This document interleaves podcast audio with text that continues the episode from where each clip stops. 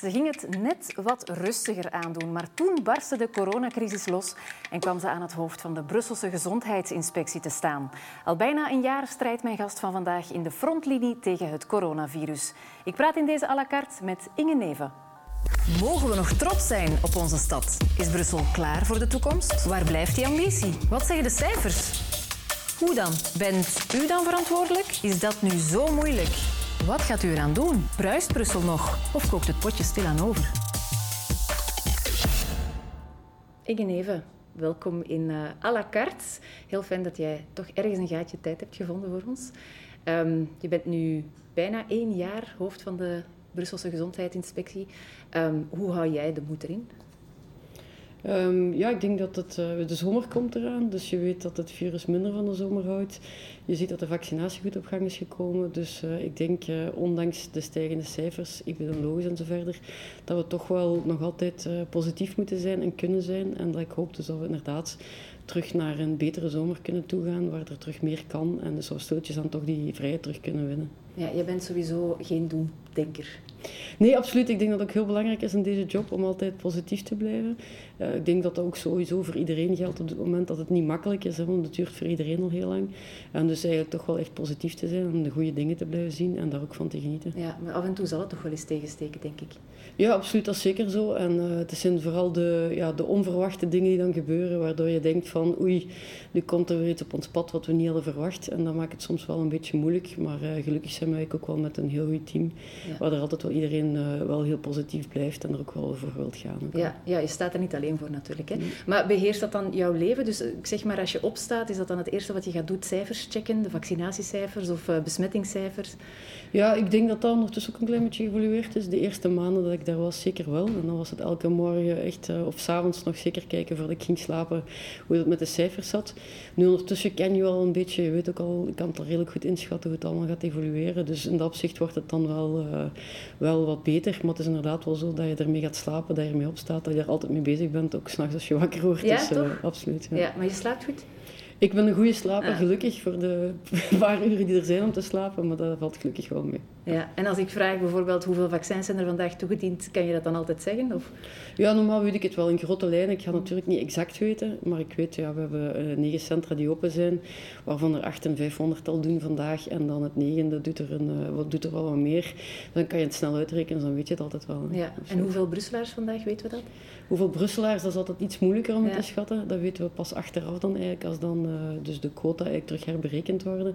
Maar dan weten we toch dat ongeveer een, ja, een uh, 5% of zo dat niet Brusselaars zijn op dit moment. In het verleden, toen we nog met de ziekenhuizen bezig waren, of de woonzorgcentra, was de helft van het personeel ongeveer dat niet uit Brussel kwam, dus was er wel wat meer.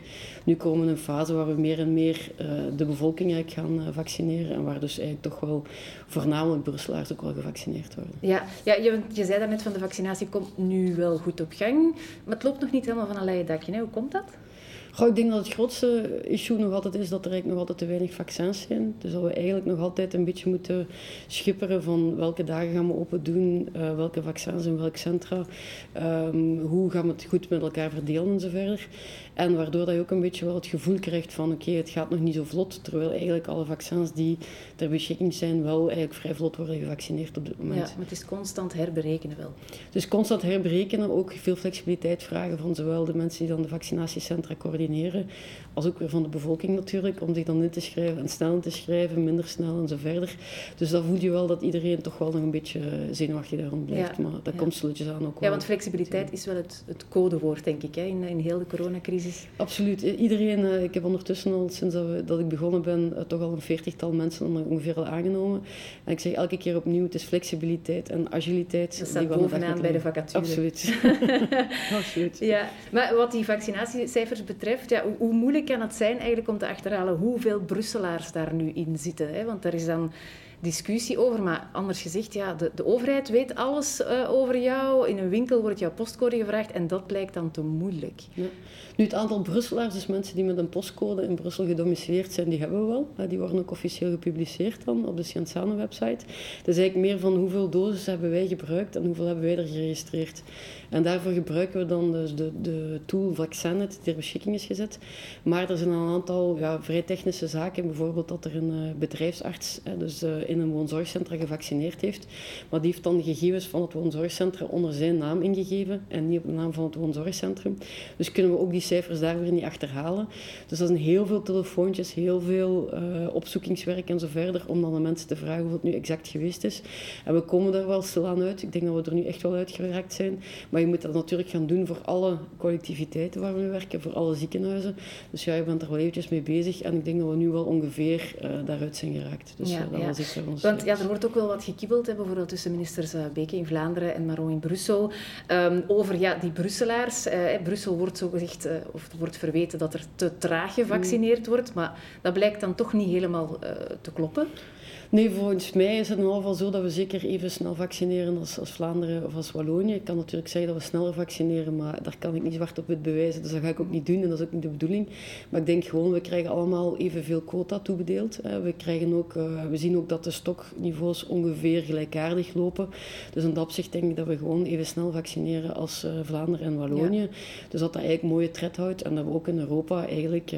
Dus het gaat ook over zeer kleine aantallen, waardoor dat je een beetje in die ranking zakt of stijgt. Dus uiteindelijk loopt dat eigenlijk ook allemaal vrij parallel. Ja, en er worden ook mensen meegerekend natuurlijk die hier werken, maar hier niet wonen. Ja, absoluut. absoluut. En dat zijn allemaal zaken die daarin meetellen. En ja, er is, uh, het virus kent geen grenzen, dus je gaat ook niet uh, checken of dat nu een Brusselaar is of een Vlaming of een, of een Waal of zelfs iemand die in Frankrijk gedomicileerd is, maar toch in België is en nu hier blijft omdat hij uh, niet eens kunnen teruggaan en zo verder. Ja, dat zijn allemaal zaken. En natuurlijk kan je dan zeggen, je moet absoluut eerst die Brusselaars vaccineren, we natuurlijk in de eerste plaats ook wel willen doen.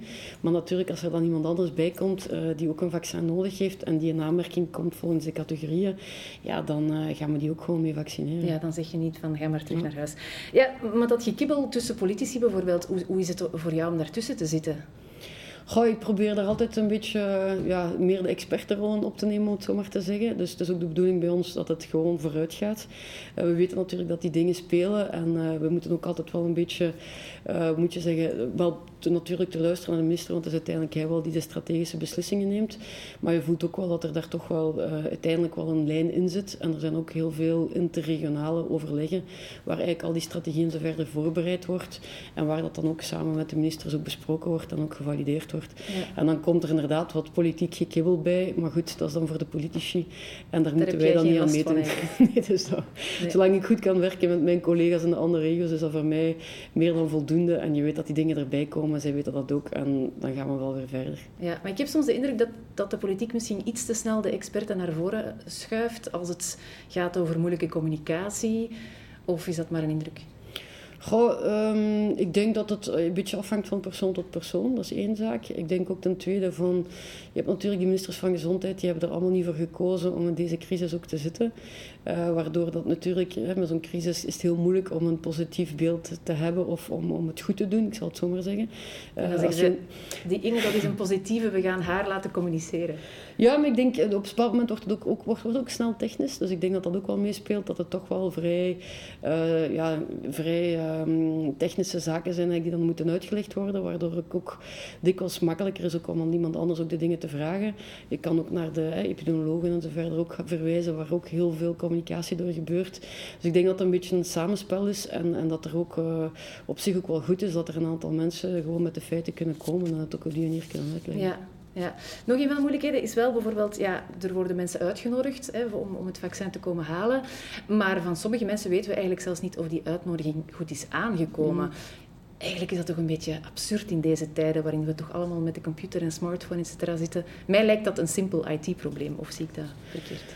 Uh, ja, dat klopt. Er is ook al heel veel over gedebatteerd geweest. Uh, natuurlijk is het ook zo, dus we gaan inderdaad mensen uitnodigen met e-mail, met sms en ook per brief. Hè. Dus om al die cijfers dan ook weer bij elkaar te leggen van wie heeft nu wat gekregen en zo verder, is ook niet altijd simpel. Wij zien bijvoorbeeld ook dat er dan uh, postbrieven blijven liggen in een portaaltje, een portiek van een appartementsgebouw. En dus dat de mensen het eigenlijk ook niet fysiek in handen hebben gekregen. Dus vandaar is het dan ook moeilijk om uit te maken van hoeveel procent er nu effectief heeft gekregen. En we doen dan wel een aantal enquêtes om dan toch te kijken van hebben mensen mensen hun uitnodiging gekregen, ja of nee? En hoe kunnen we ze verder helpen? En we zien daar toch ook wel dat we hier uh, in Brusselse toch ook wel een, een uh, toch nog wel een stuk mensen hebben die niet gedigitaliseerd zijn. En dus waarbij die brieven wel belangrijk zijn. Waar we ook zien dat er mensen die toch niet hebben gekregen. En dat we daarom ook sinds twee weken nu ook uh, mensen gewoon oproepen als ze boven een bepaalde leeftijd zijn.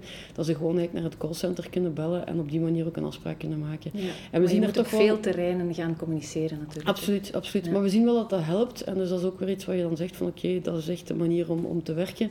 We moeten zeer lokaal gaan, we moeten zeer fijnmazig uh, werken en eigenlijk het zo makkelijk mogelijk maken voor iedereen om zich in te schrijven. Dus ik denk dat dat uh, allee, belangrijk is en ook weer iets wat je leert en waar je dan weer op inspeelt. En ook, ja, het is eigenlijk constant schakelen, hè, vooruit, ja. achteruit.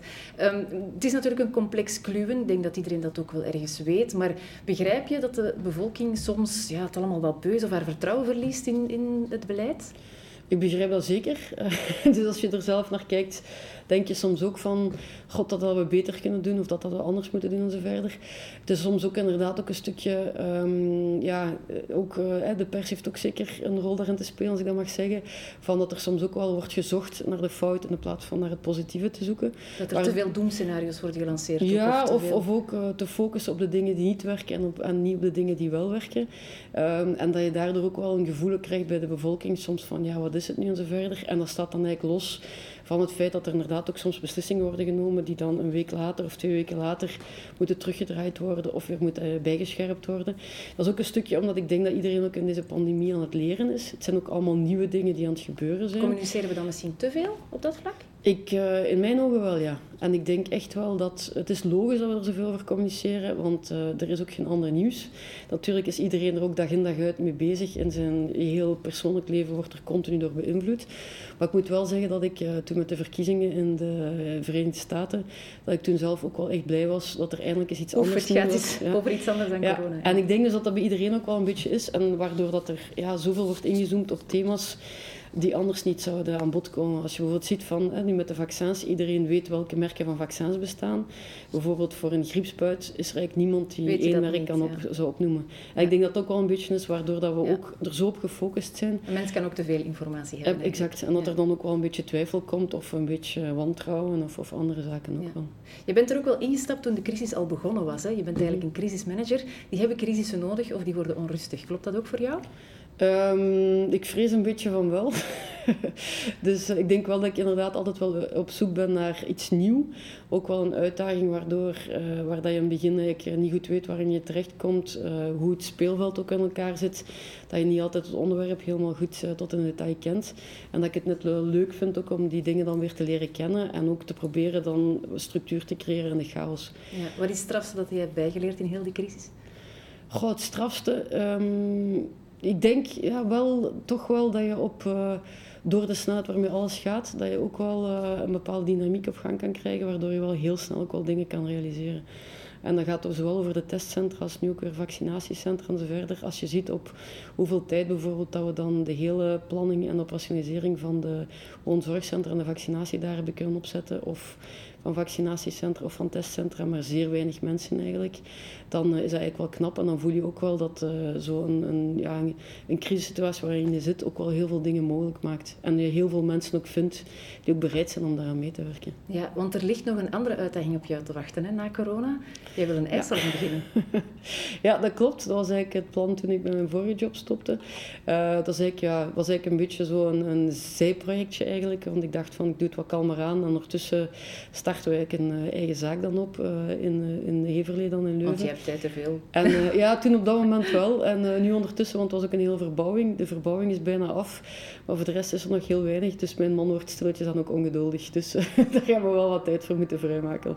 Ja, ik wens je daar heel veel succes mee. Dankjewel. En bedankt ook voor het kijken thuis. De volgende à la carte is voor na de paasvakantie.